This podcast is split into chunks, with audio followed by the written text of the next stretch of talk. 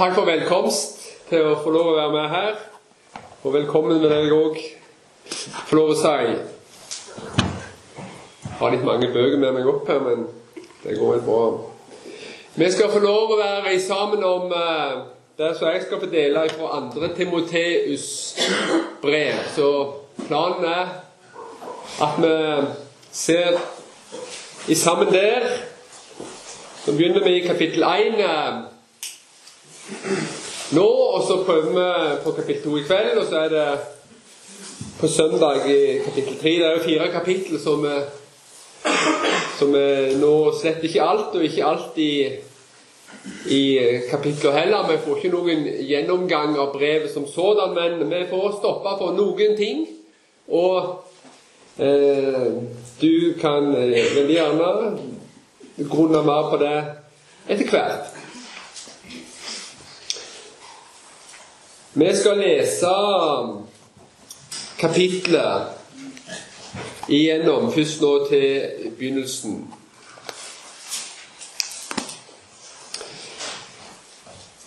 Andre brev til Timoteus, ja. Paulus, ved Guds vilje, Kristi Jesu apostel til å forkynne løftet om livet i Kristus Jesus. Til Timoteus, min kjære sønn, nåde, miskunn og fred fra Gud, vår Far, og Kristus Jesus, vår Herre. Jeg takker Gud, som jeg fra mine forfedre av tjener med en ren samvittighet, når jeg stadig minnes deg i bønnene mine natt og dag. Når jeg minnes tårene dine, lengter jeg etter å se deg igjen, så jeg kunne bli fulgt med glede. For jeg er blitt minnet om din oppriktige tro, den som bodde først i din mormor Louise og i din mor Eunike, og som jeg er viss på også bor i deg. Derfor minner jeg deg om at du igjen opptenner den Guds nådegave som er i deg ved min håndspåleggelse for Gud ga oss ikke feighetsånd, men krafts- og kjærlighets- og sindighetsånd. Skam deg derfor ikke ved Herrens vitnesbyrd eller ved meg, hans fange, men lid ondt sammen med meg for evangeliet i Guds kraft. Han er den som har frelst oss og kalt oss med et hellig kall. Han gjorde det ikke etter våre gjerninger, men etter sin egen rådslutning og nåde, den som han ga oss i Kristus Jesus fra evig dag. Nå er denne nåde blitt åpenbart ved vår Frelser Jesu Kristi åpenbaring. Han har tilintetgjort døden og ført liv og uforgjengelighet fram i lyset ved evangeliet. Og ved det er jeg satt til forkynner og apostel og lærer for hedninger. Derfor er det også jeg lider dette, men jeg skammer meg ikke ved det, for jeg vet hvem jeg tror på. Og jeg viss på at Han er mektig til å bevare den skatt som er betrodd meg, til dagen kommer. Ha som forbilde de sunne ord du har hørt av meg, i tro og kjærlighet i Kristus Jesus. Ta vare på den fagre skatt som er betrodd deg ved Den hellige ånd som bor i oss. Du vet dette, at alle de i Asia har vendt seg fra meg. Blant dem er Fygelus og Hermogenes. Må Herren vise barmhjertighet mot Onisiforus' hus for han har mange ganger styrket meg og ikke skammet seg over lenkene mine. Da han kom til Roma, gjorde han seg mye umak med å lete etter meg, og fant meg. Må Herren la ham finne miskunn hos Herren på den dagen. Hvor store tjenester han har gjort i Efesus, vet du best selv. La oss samle oss i bønn igjen. Ja, kjære Frelser, vi er her for ditt sannhetsord å høre. Takk at vi får be til deg om det, og at du selv må lukke opp vårt øre, sånn at ditt levende, livgivende ord kunne nå oss. Gi den enkelte det han trenger til. Tal inn i vårt hjerte og samvittighet. Det ber vi om i denne stund. Amen.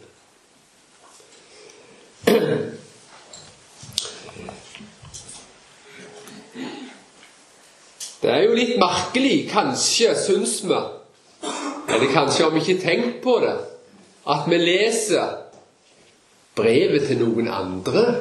Det er jo jeg opplært til i min barndom og ungdom, og du går ikke og snoker i andres brev.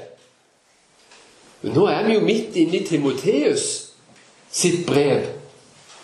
Timoteus, han var i Efesus, det som vi ville kalt for Vest-Tyrkia.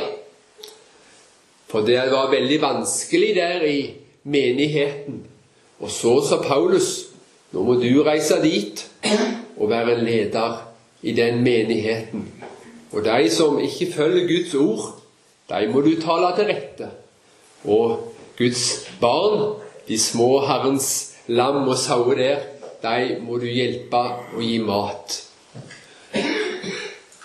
Men det er jo tydelig òg at brevet er nok ikke bare tenkt til Timoteus. Og Gud har jo gitt oss det nå i Den hellige skrift, som har blitt lest i nesten 2000 år.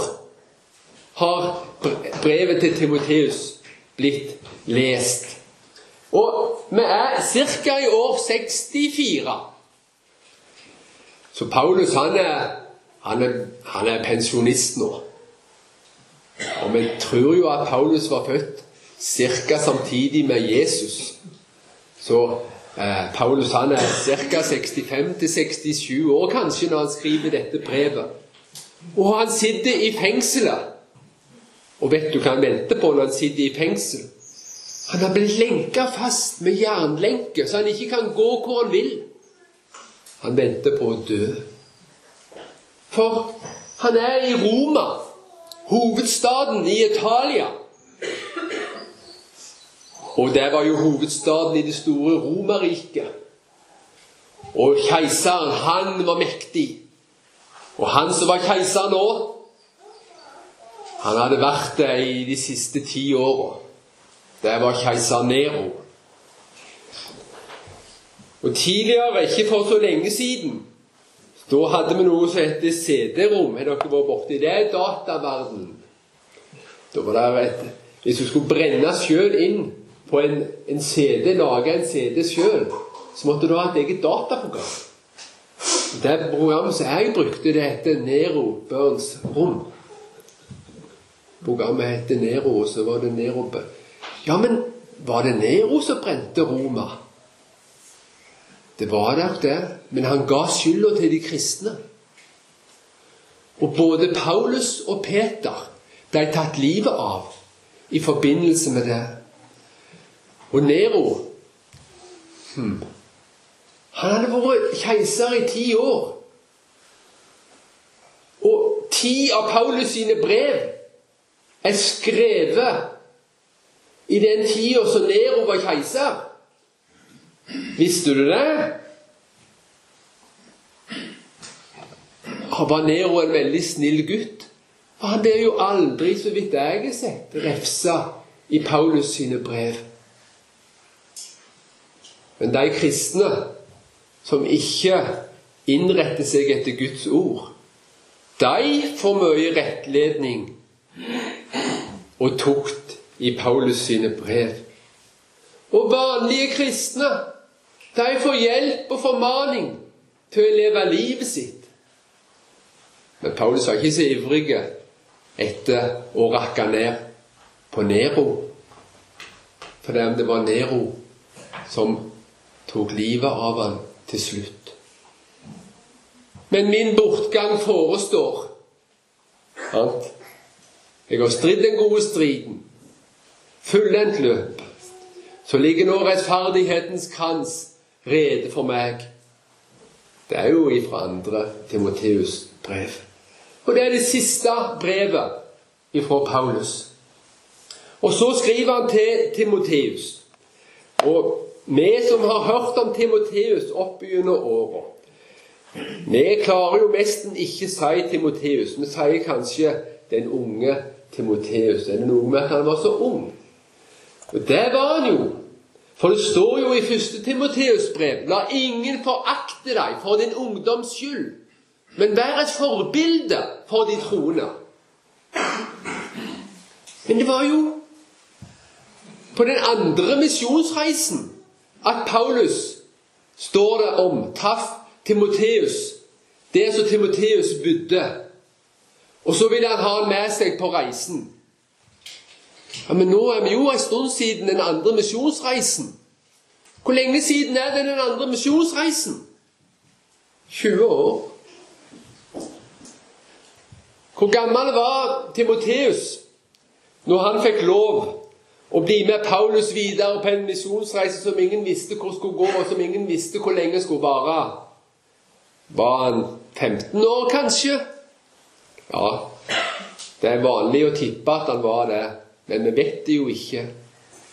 Men siden det står i 1. Timoteus brev, som antageligvis er skrevet bare ett år før det andre, så når han ble betegnet som ung, så ble de visstnok eh, ikke regna som ordentlig voksne før de var 40.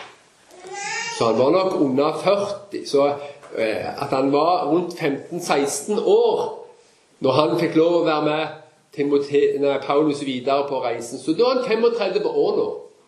Og han har vært kanskje den nærmeste medarbeideren og broren til, til, til Paulus i 20 år. Og han har vært hans betrodde medarbeider og blitt sendt bl.a. som vi sa, at han ble sendt til Efesus. Og han er jo, står som medforfatter til mange av Paulus sine brev i Bibelen. Så en som har vært så i ledersjiktet.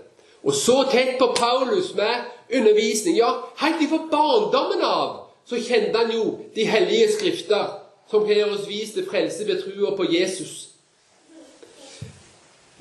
Hva skriver Paulus til en så moden kristen som antageligvis begynner å nærme seg de 40?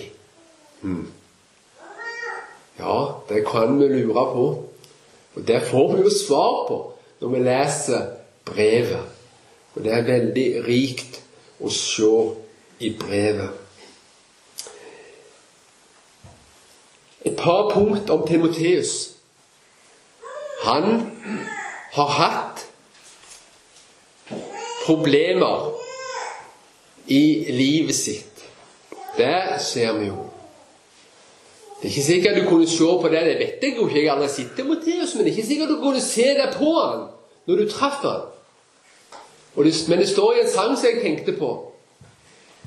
Mitt hjerte var nær ved å briste, men det var det ingen som visste. Sånn er det på denne leiren på Laberg òg. Du trenger ikke vise innsida ut til oss andre. Men hvordan du har det med Jesus, og hvordan du har det i livet, det kan være så veldig forskjellig. Men derfor, uansett hvordan du har det, så var det godt du kom. For det er godt å få være sammen med Jesus. For Jesus han takler jo alle, og alle situasjoner, og alle sjelstilstander. Timoteus han så ut til å ha slitt med helsa, som vi ville si. Og han er jo Det er ikke noe jeg roser meg av, men jeg er òg totalavholdsmann. Men ikke så jeg, jeg, går ikke så langt som Timoteus. Men Paulus sa til ham drikk ikke bare vann, men begynn å bruke også litt vin. For din mages skyld og dine mange sykdommer. Mm. Ja, han hadde det ikke lett. Og etter koronatida så vet vi jo at alkohol det, det, det renser visst opp og, og, kan drepe bakterier. Men jeg er ikke spesialist på de områdene. Men han må ha hatt jevnlige sykdommer. Og vi opplever og ser i Timoteus-brevet at han òg har vært en beskjeden natur. Han har vært en antageligvis som har hatt liten sjøltillit. Som ikke hadde lett for å stå fram og si at 'nå må dere høre på meg'. 'Nå har jeg noe viktig å si'. Nei, han var liten. Han var liten. Men du, Gud ga oss ikke feighetsånd. Eller sånn som det sto, og kan oversettes motløshetsånd. Timoteus. Husk det. Han ga deg krafts, kjærlighets og sindighetsånd. Det betyr ikke at du skal være stor sjøl og, og ture fram og være så veldig ovenpå. Men husk, du er jo Guds barn. Ja, nå må vi komme oss litt inn på sporet igjen her. For du har jo forstått allerede at det er jo tre ting jeg vil prøve å stanse for i kapittel 1. Og det første, det er om apostolatet. Det kan jo synes litt merkelig at eh, apostolatet blir så sterkt understreket når han skriver et sånn personlig brev. Men det står her i vers 1 Paulus ved Guds vilje Kristi Jesu apostel. Det der er Når vi leser et brev i Bibelen, så er det veldig raskt for oss Ja, ja, la meg si for meg at det er innledning det, det, du, du, på en måte søker liksom bare litt å komme forbi det. For nå må du, Når begynner det egentlig? Nei, ja, det begynner helt i forbegynnelsen. Paulus, han er apostel. Hmm. Hvorfor er han det? Etter Guds vilje. Gud har bestemt. Og hvis vi ser i 1. Timoteus 1 Der står det ikke at det er etter Guds vilje at han er apostel. Det, han er jo det der òg. Han var jo det hele livet etter han ble en kristen. Men der står det så fint òg. Paulus, Kristi Jesu apostel etter befaling av Gud. Og Hvis vi går til Galaterbrevet 1.1 Galaterbrevet 1.1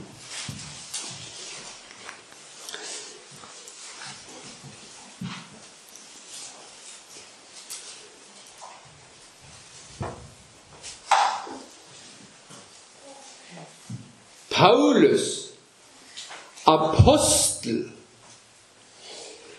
ikke av mennesker. Er ikke mennesker som har gjort han til apostel. Eller ved noe menneske. Det er heller ikke noe menneske som på en måte har innviet han eller, eller, eller satt han til tjeneste som apostel.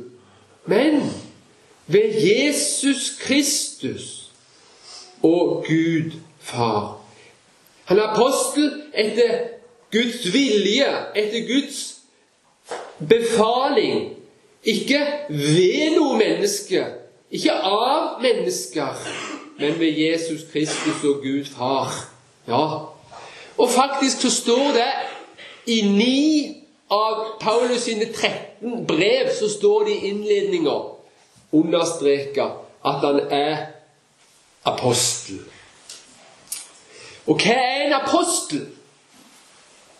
Hva er det? Hvordan skal du forklare det?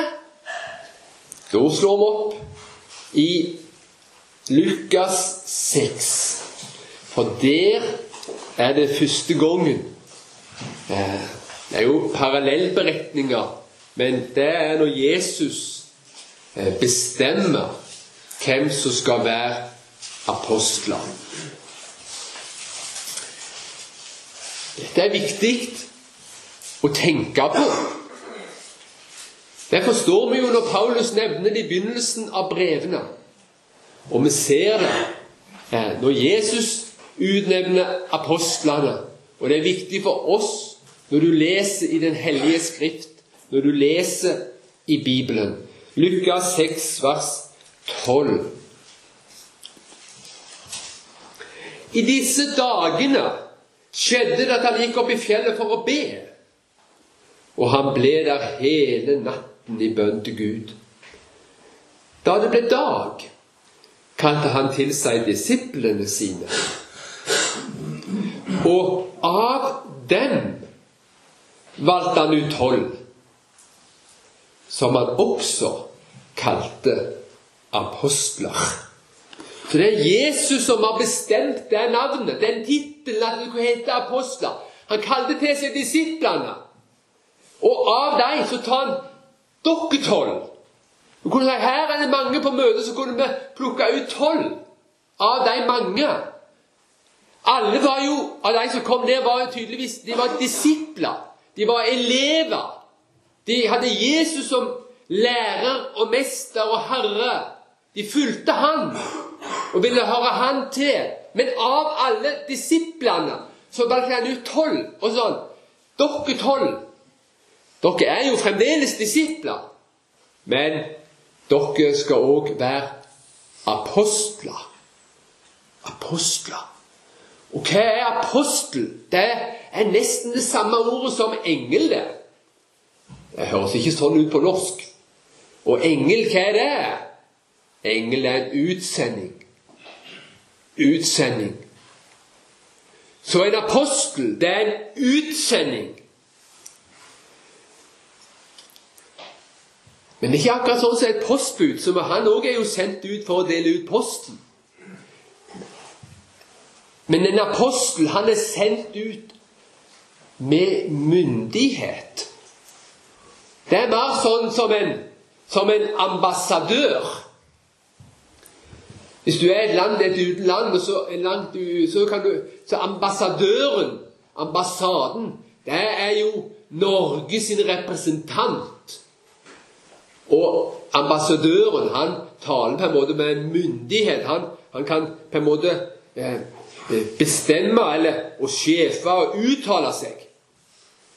Men han kan ikke uttale seg sånn som han har bare lyst til, eller sånn som han sjøl syns høres fornuftig ut. Han må gjøre det som landet mener. Det som landet har bestemt. Det som er rett fra landet han representerer. Men han er utsending med myndighet. Det er en apostel. Og noen no, har hørt kanskje det, at de sier mm, Paulus, ja. Han, han, han har vi jo lest om i Bibelen, men vi, vi, kan jo ikke ta alt som Paulus sier, helt alvorlig. Men hadde det vært Jesus som har sagt det, da liksom Nei, det, da har du ikke forstått hva en apostel er. Den som hører dere, hører meg.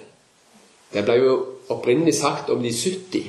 Og det gjaldt nok der og da om de 70, men det gjelder i absolutt forstand om de tolv apostlene. Derfor, så når du hører Jesus i Den hellige skrift, så er det Gud som taler til deg. Når du hører en apostel, så er det Gud som taler til deg. Når du hører Peter, når du hører Paulus, når du hører Johannes, så er det, er det Gud som taler til deg. Så er det Jesus du hører. Og det er viktig. Det er Guds ord. Bibelen er Guds ord. I ett av de brevene, kanskje er det det første brevet som Paulus har skrevet der han overhodet som vi har i Bibelen, men det er et av de brevene der han ikke bruker aposteltittelen i begynnelsen. Det er i første Tessaloniker eh, 4.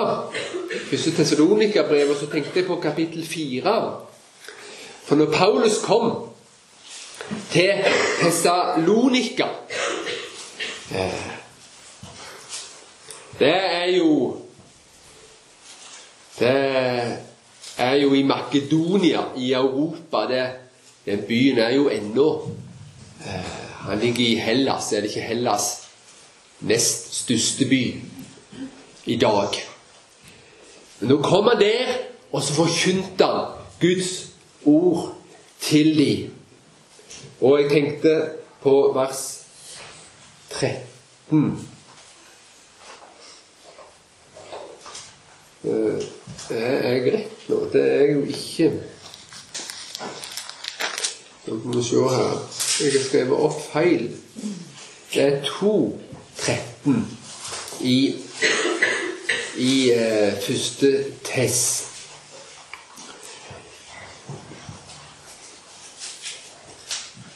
Derfor takker vi også alltid Gud for dette. Da dere fikk det ordet som vi forkynte, tok dere imot det, ikke som et menneskeord, men som det i sannhet er, som Guds ord, som virker med kraft i dere som tror. Tessalonikerne, Han takker for tessalonikerne. Han takker for de kristne i Tessalonika. For når de hørte fra Bibelen Når Paulus kom og forkynte hadde ikke skrevet Bibelen da, sant? men det var Paulus som forkynte til dem. Han kom der. Da tok de imot det som Paulus forkynte, ikke som menneskeord. Paulus var jo et menneske, men han var apostel. Men som Guds ord. De tok imot det som Guds ord. Ja, vi kunne òg lest andre plasser.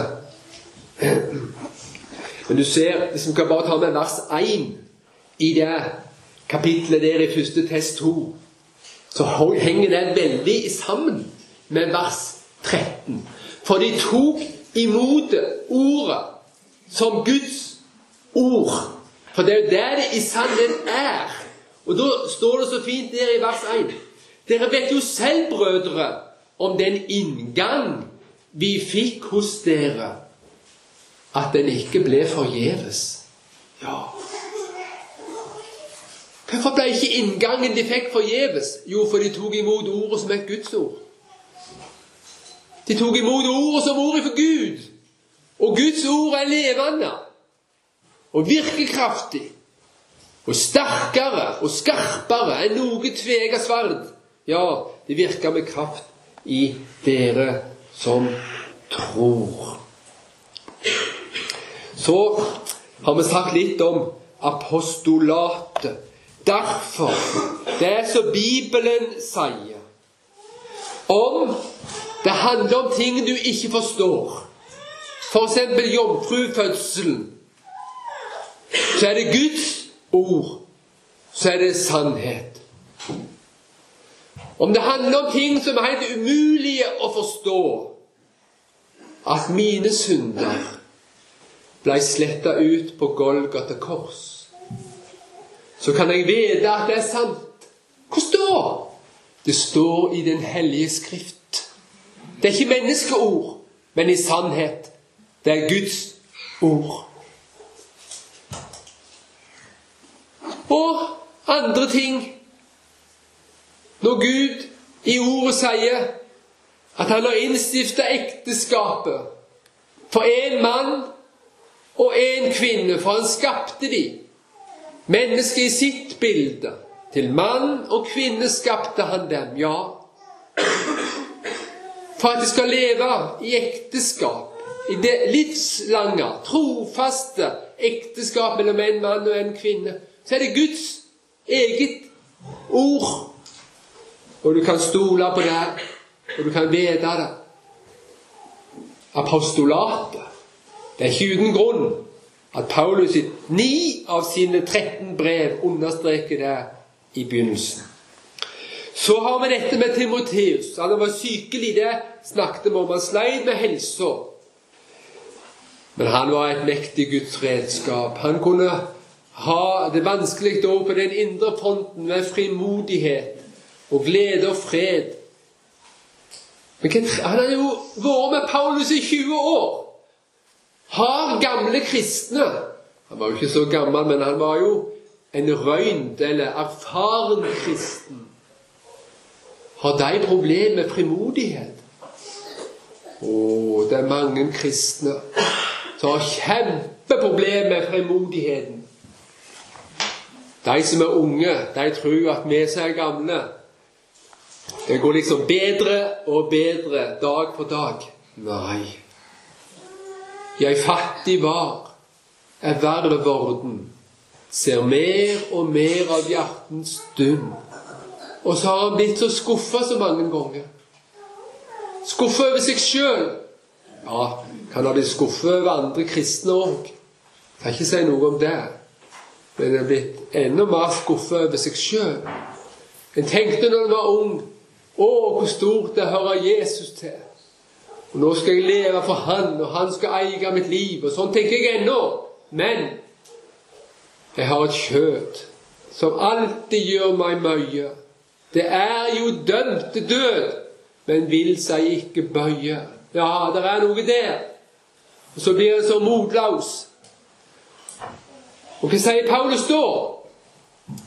Gir han Timoteus et spark bak og sier nå får du jammen ta deg sammen, unge mann. Du har jo ennå noe krefter igjen. Du er jo i ditt beste år. Ja, Forstår jo at du kan ha det litt vanskelig, men livet er ikke bare en dans på roser, så Ja, han skjønnmaler ikke situasjonen, men hva er det han gjør? Ikke etter våre. Du må se bort for deg sjøl. Du må ha øye for noe annet og en annen enn deg sjøl. Ja, du har vel funnet sitatet, kanskje. Det er ikke så lett når en skal skumme gjennom sånn, men det er jo vers 9. Det skulle Timoteus òg få. Ja, Timoteus, du er jo en menighetsleder. Men trenger han å bli minnet om at alt kommer an på Jesus?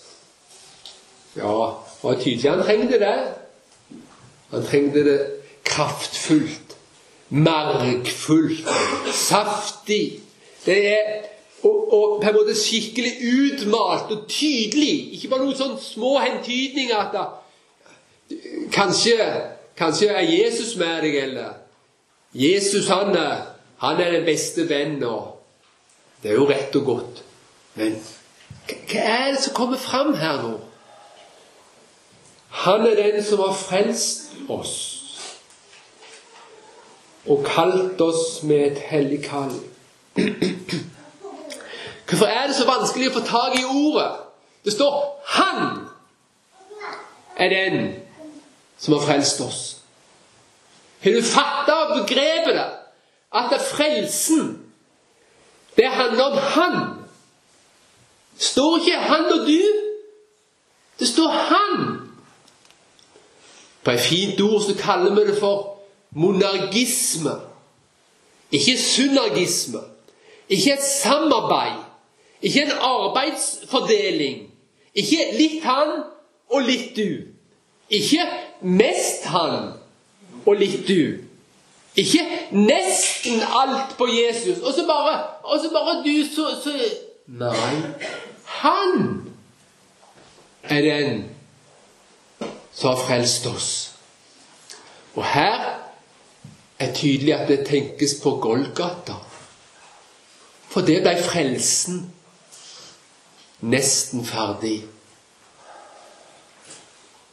Nei, da, da skal det reise seg en protest i det.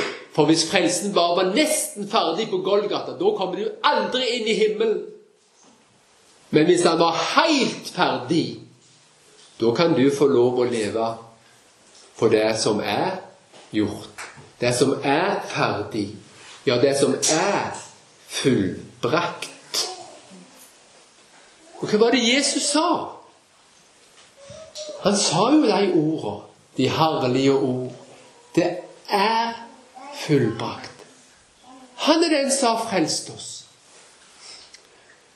og kalt oss. Hva betyr det å kalle? Vet du hva det betyr å kalle på noen? Jeg var med Jeg var med en Noen dere kjenner han mange Otta. Han skulle få tak i noen sauer for ei uke siden ca. Og han trengte en medhjelper. Jeg er ingen god sangespesialist, men jeg fikk være med han. Så gikk vi inn over noe sånn Det var litt heieområde. Det var ikke så mange tre der. Det var, litt, var ikke noe veldig høyt over havet, men det var, det var bare fjell der. Og inni, innimellom der var det litt gress. Så der gikk sauene. Men vi så jo ingen sauer. Men vi gikk, vi gikk innover der, og her de pleier å være inni her. Og han hadde til med sånn GPS på noen, så han visste at de skulle være. Og til slutt så så vi at det er langt, langt der borte. Og vinden sto litt imot, så vi hørte noen sauer bjelle. Og det òg var det noen. Sant? Men det var jo ikke sånne langhaler vi ville ha. Vi skulle ha noen som var med hodden. Så vi, vi, må bare være litt rolige nå. Men til slutt så sa han nå, ja, nå. Og så ropte han Oi. Så ropte han på sauene. Og det er litt merkelig i Norge. Jeg vet ikke hvordan de roper på sauene i Sverige. Men da hadde han noe sånn eh, Gaula han ut der. Ropte ut i ødemarka. Tror du ikke, sa De, de holdt jo på å spise gress. Og så kom den ene, og så kom den andre. Og til slutt kom det Og så kom det en hel haug med sauer imot oss. Ja, han kalte på dem. Kalte på dem, ja. Kalte på dem. Så hadde han litt kraftfôr. Det klarte de jo ikke å høre når de var så langt borte, men hadde litt, litt god mat i, i posen med mye næring og god smak. Ja, Så da var det, var det lett. Og tror du ikke det? Når jeg fikk posen, da ville de fylle til med meg. Når jeg òg sa nå må dere komme her. Så gikk vi hjemover mot, for han skulle gi noen av dem noe medisin. Men Jesus han har frelst oss. Først har han gjort ferdig frelsen, og så roper han på deg. Og så sier han, 'Du, det er ferdig. Kom nå her.' 'Å, kom og kom.' Ja. Nei, sier noen. Som rett er på en måte at jeg er Jeg er ikke verdig. Jeg er ikke verdig engang til å være tjener. Jeg er ikke engang verdig til å, til å arbeide for Jesus. Å, men jeg har den beste kledningen klar. Du får lov å bli kledd opp i Jesu rettferdighet. Du får lov å, å, å bli rein og rettferdig i Jesus. For det er jo Han som har frelst oss. Og så har Han kalt oss. Har Han kalt oss med Ja, hva har Han kalt oss med? Han har kalt oss med et kall. Et hellig kall. Et hellig kall, ja. Hva er det? Jo, det er nok mange ting. Blant annet han har kalt deg gjennom det hellige ordet. Det hellige ordet, det er der han kommer til deg. Her kan du lese at du òg er regna med. Det står jo rett ut Han som vil at alle skal bli frelst. Kanskje sitter du her og tenker Jeg forstår jo at Jesus vil ha han. Jeg kan forstå at Jesus vil ha hun òg. Og jeg forstår jo òg at de er ganske store syndere. Men akkurat som noen tenker at jeg er liksom i en litt spesiell kategori. Kanskje for de tenker at jeg har hørt så mye Guds ord, og så har jeg svikta så mange ganger. Gud har gitt meg så mange sjanser. Men jeg har tatt mine beslutninger. Jeg har bestemt meg mer enn én gang at nå skal det bli orden for mitt kristenliv. Men så, så går det ikke så lenge. Sånn var det kanskje i fjor når du var på Laberget. Hvor godt det var å få være sammen og høre Guds ord. Og du tenkte ja, nå skal det bli annerledes. Skal det bli godt å komme hjem i hverdagen. Ja, hvordan gikk det? Det gikk iallfall sånn at uten Jesus så har du ingen sjanse, ikke sant?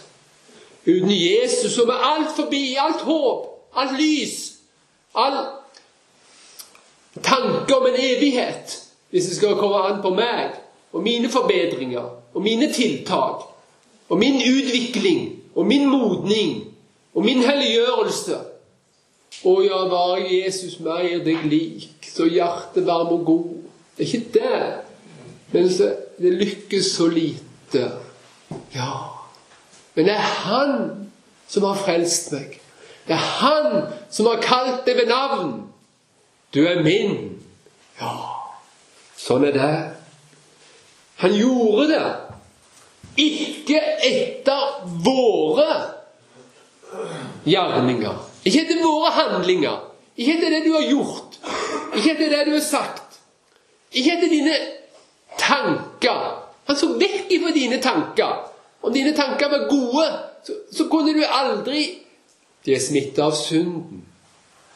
Men om du har dumme tanker, og du har stygge tanker, så endrer ikke dine tanker Gud sitt hjerte. Gud sitt hjertelag mot synderen, det er det samme. Dine beslutninger, vet du. Det er ikke det det kommer an på. Ikke etter våre beslutninger.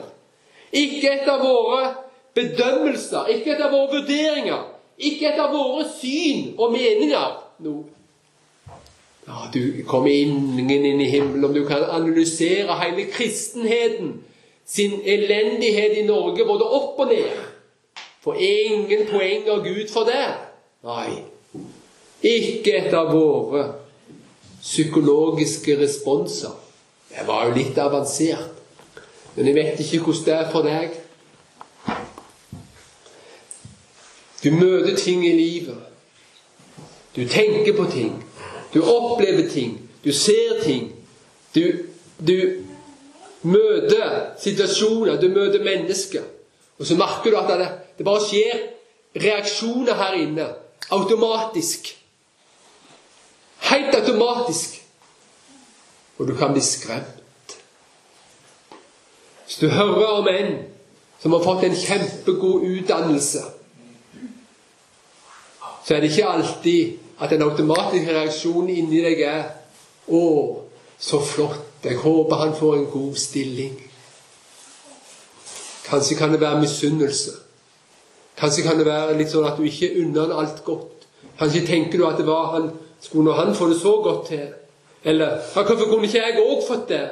Og 'Hvordan skal det gå med meg? Kan jeg òg lykkes?' Ja, hva er dette her? Det er synden i kjødet. Det sitter så dypt.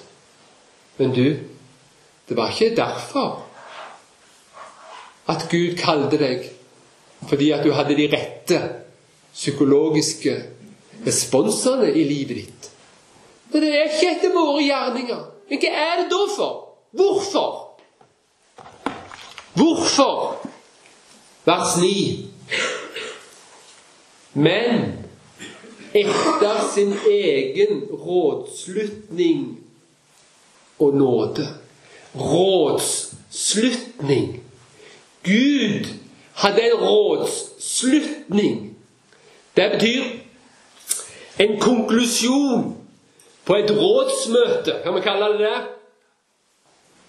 Guds sønn, Gud far og Gud den hellige ånd, de sa La oss skape mennesker i vårt bilde.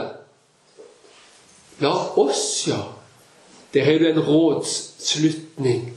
Før mennesket ble skapt, så sa Jesus For han er Gud ifra evighet av. Vi ser jo at de kommer til å falle i synd. Men skal vi likevel skape mennesker? Ja, vi vil skape dem til samfunn med Gud. Ja, men, men hvordan skal det da gå, når de faller fra oss? Jeg er villig, sa Jesus, til å bli Guds lam, som skal bære verdens synd. Smake Guds vredes dom og fjerne straffen, sånn at hver den som tror på meg, han skal ikke gå fortapt, men han skal ha evig liv. Hvilken rådslutning! Ja. Og derfor så ropte han på deg. Hvorfor ropte han? De hadde bestemt det på styremøtet. Den evige Gud, om noen kan bruke et sånn et dagligdags uttrykk. De hadde bestemt det i sitt råd ifra evighet av. Ifra evighet av! Da ble du utvalgt i Kristus da ble det sagt Hun der, hun som skal være på Laberget 2023, hun vil vi ha med oss i himmelen. Da må det være på grunn av Jesus, for hun har ingenting å stille opp med sjøl. Ikke et fnugg som kan på en måte være litt av inngangsbilletten til himmelen. Det er Jesus aleine. Ja. Utvalgt i Kristus. Efeseren 1, 4 må vi ta med. Det er, han gjorde det ikke etter våre gjerninger, men etter sin egen rådslutning og nåde. Ja, den som han ga oss i Kristus Jesus fra evighet av. Og så var det Efeseren 1,4. Det passer jo akkurat til andre Tim 1,9. Det står henvist under verset òg der. Efeserne 1,4. For i ham, i Jesus, har han utvalgt oss før verdens grunnvoll ble lagt. For at vi skulle være hellige og ulastelige for hans åsyn. Her kan du få lov å sette inn navnet ditt og lese det i ro og mak. Og tenke at nå leser jeg opp Guds apostoliske og sanne ord. For i Jesus har han utvalgt meg. Har han utvalgt Finn Vidar før verdens grunnvoll ble lagt for at Finn Vidar skulle være hellig og ulastelig for Guds åsyn. Så når Gud ser på meg Ikke når du ser på meg, men når Gud ser på meg, så ser han at jeg er hellig. Utskilt ifra verden og innvia for Gud betyr jo hellig. Jeg er ulastelig. Du finner Jo, du finner mange feil. Men Gud finner ingen feil. For jeg er Jesus. Ikke etter våre. Ikke etter ditt. Om det er det eller det eller det eller det eller det. Derfor er det så livsfarlig å komme dragende med noe av sitt. Det er jo som å som å komme med, med gifte. Ja, men om du, om du skal ha et glass cola Liker du cola? Hvis du bare tar en, kun én dråpe gift Det er ikke mye på et helt glass. Ja, men det ødelegger alt. Sånn er det med Sånn er det med meg. Men Derfor er det så godt at jeg er utvalgt i Kristus, og at det var Han som frelste oss. At det var Han som kalte oss. Det, det er denne veldige Da må jeg ned her og ta ei gammel bok. Det er To gamle bøker her. En, denne her er fra 1946, og denne her er jo ennå eh, eldre, men den er omskrevet litt fra 50-tallet av den samme forfatteren. Dette er 'Tornen i kjødet'. Og vet du det Hvordan kan det ha seg og Nå må vi holde tida òg, iallfall prøve. Da, hvordan kan det ha seg at, at, Timoteus skal høre dette? Ja, Men sånn er det for gamle kristne. Det er så lett at de begynner å regne med noe av seg sjøl så kommer loviskheten inn. Lov. Vi elsker loven når vi er født av Gud. Men den skal ikke inn imellom meg og Gud i mitt gudsforhold, sånn at jeg tenker at da, om Gud er fornøyd med meg fordi at jeg, at jeg ber nok. Og hvis jeg ikke føler at jeg ber nok, så, så tenker jeg at da, da, gjelder ikke Jesus for meg. Og Det blir tatt opp her på side 179. Eh, han har noen punkt her som kan være vanskelige i livet. og det, eh, Dette her er det femte av de punktene. Den stadige fristelse til, lovens, til lovisk tankegang. Det er litt vanskelig å høre opplest av noen. Men det fungerer òg som en veldig oppfordring til deg til å finne fram Olav Ann Senstad, 'Tornen i kjødet'. Med en lovisk tankegang menes en tankegang i vårt kjød som alltid tenker på frelsen og livet i Gud i form av betingelser. Som f.eks. når vi tenker på denne måten. Hvis jeg er slik og slik, så er Gud slik og slik. Så Det er jo ikke sant. Men det er lett å tenke sånn. Hvis jeg er gudelig, hvis jeg tenker kristelig, da blir Gud vennlig stilt. Da blir han nådig. Men hvis jeg ikke er sånn som jeg burde være, da er Gud annerledes. Nei. Som f.eks. når vi tenker på denne måten Hvis jeg er slik og slik, så er Gud slik og slik. Hvis jeg gjør så og så, da får jeg det og det av Gud, osv.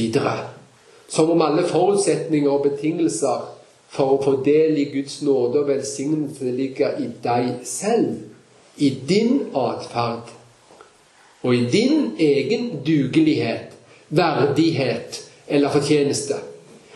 Dette er og blir kjødets fariseertankegang i trelldommen under loven.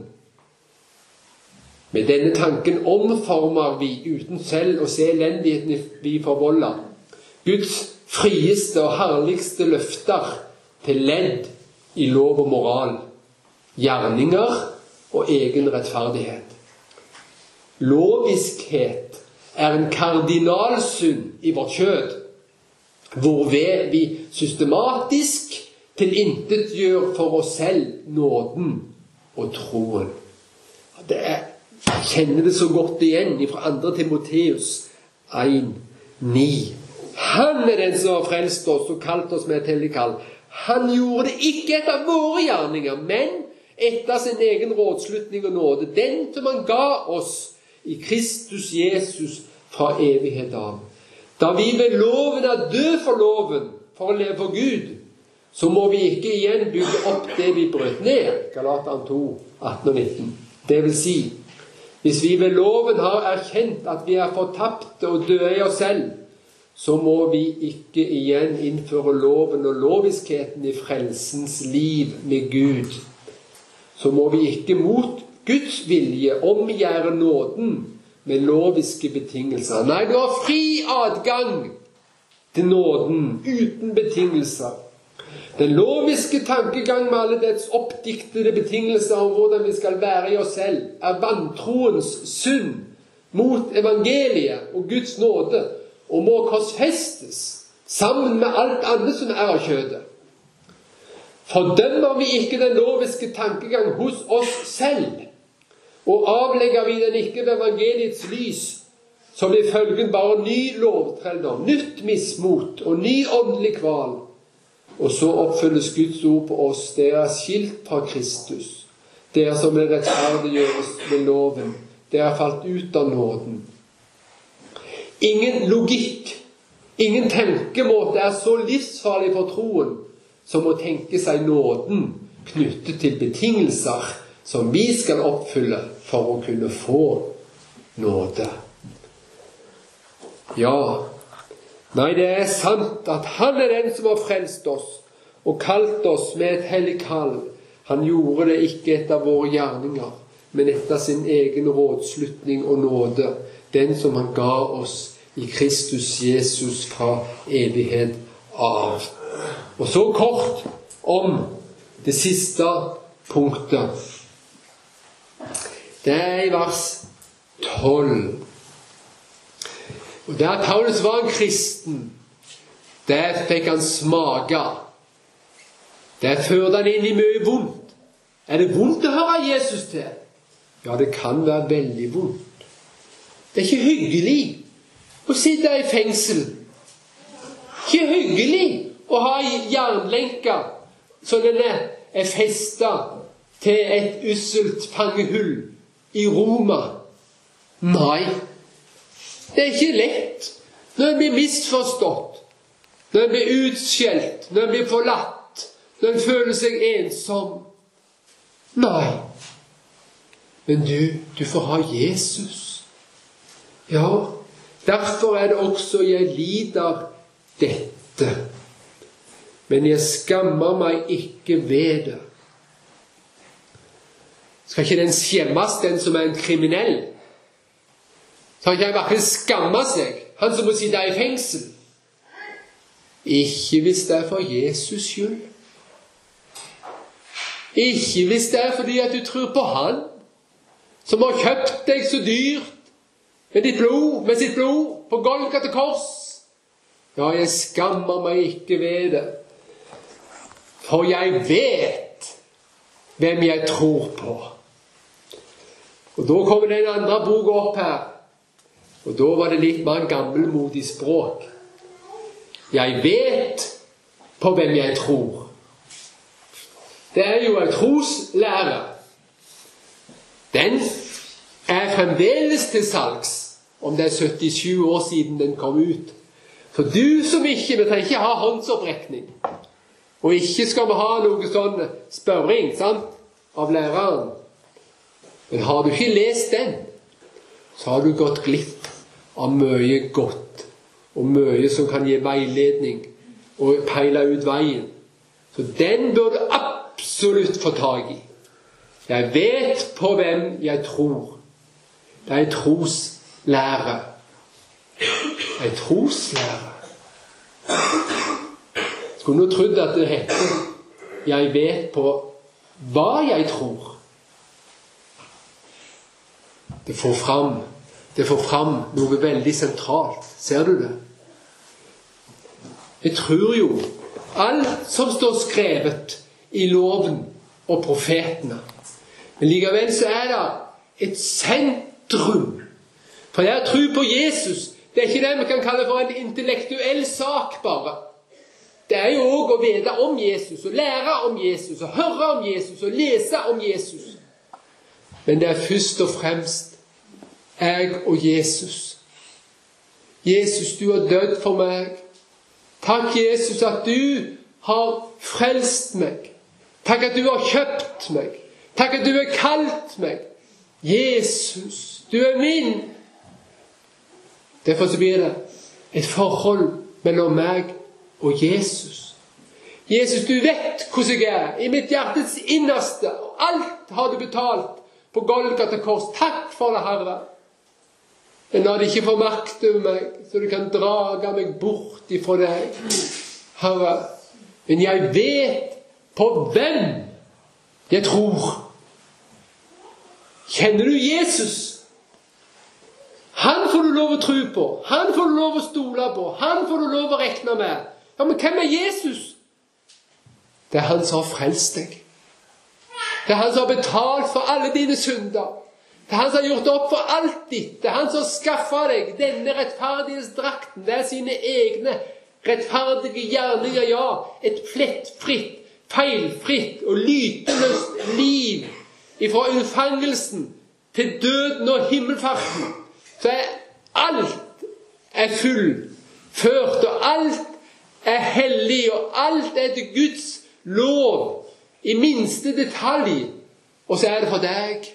Ja, dette er Jesus Kristus. Jeg vet på hvem jeg tror. Og da kan jeg ha lys om jeg sjøl sitter i fangehullet. Ja, om jeg sitter i dødscella. Og jeg vet at min bortgang forestår. Jeg har stridd en god strid. Fullendt løpet, bevart troen. Så ligger nå rettferdighetens krans rede for meg, den som Herren skal gi meg. Ja, ikke bare meg, men alle som har elsket Hans komme. Ja, Jesus kom snart.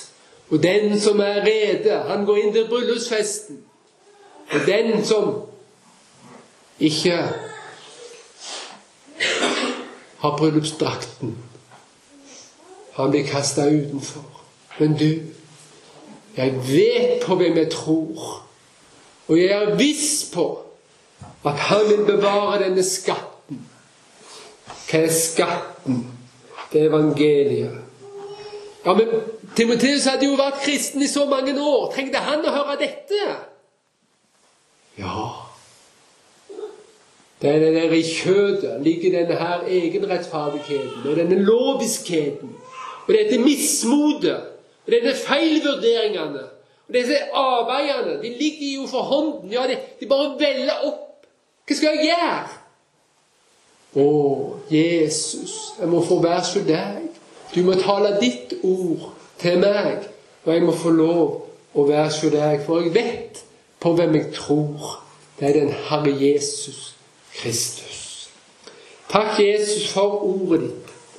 Og send det inn i vårt hjerte, så vi kan få lov å hvile på det du har gjort. Og lær oss i ordet, og ta deg av oss. Så vil vi òg be for resten av dagen. La oss få lov å bli knytta mer og mer til deg ved ditt hellige ord. I Jesu navn. Amen.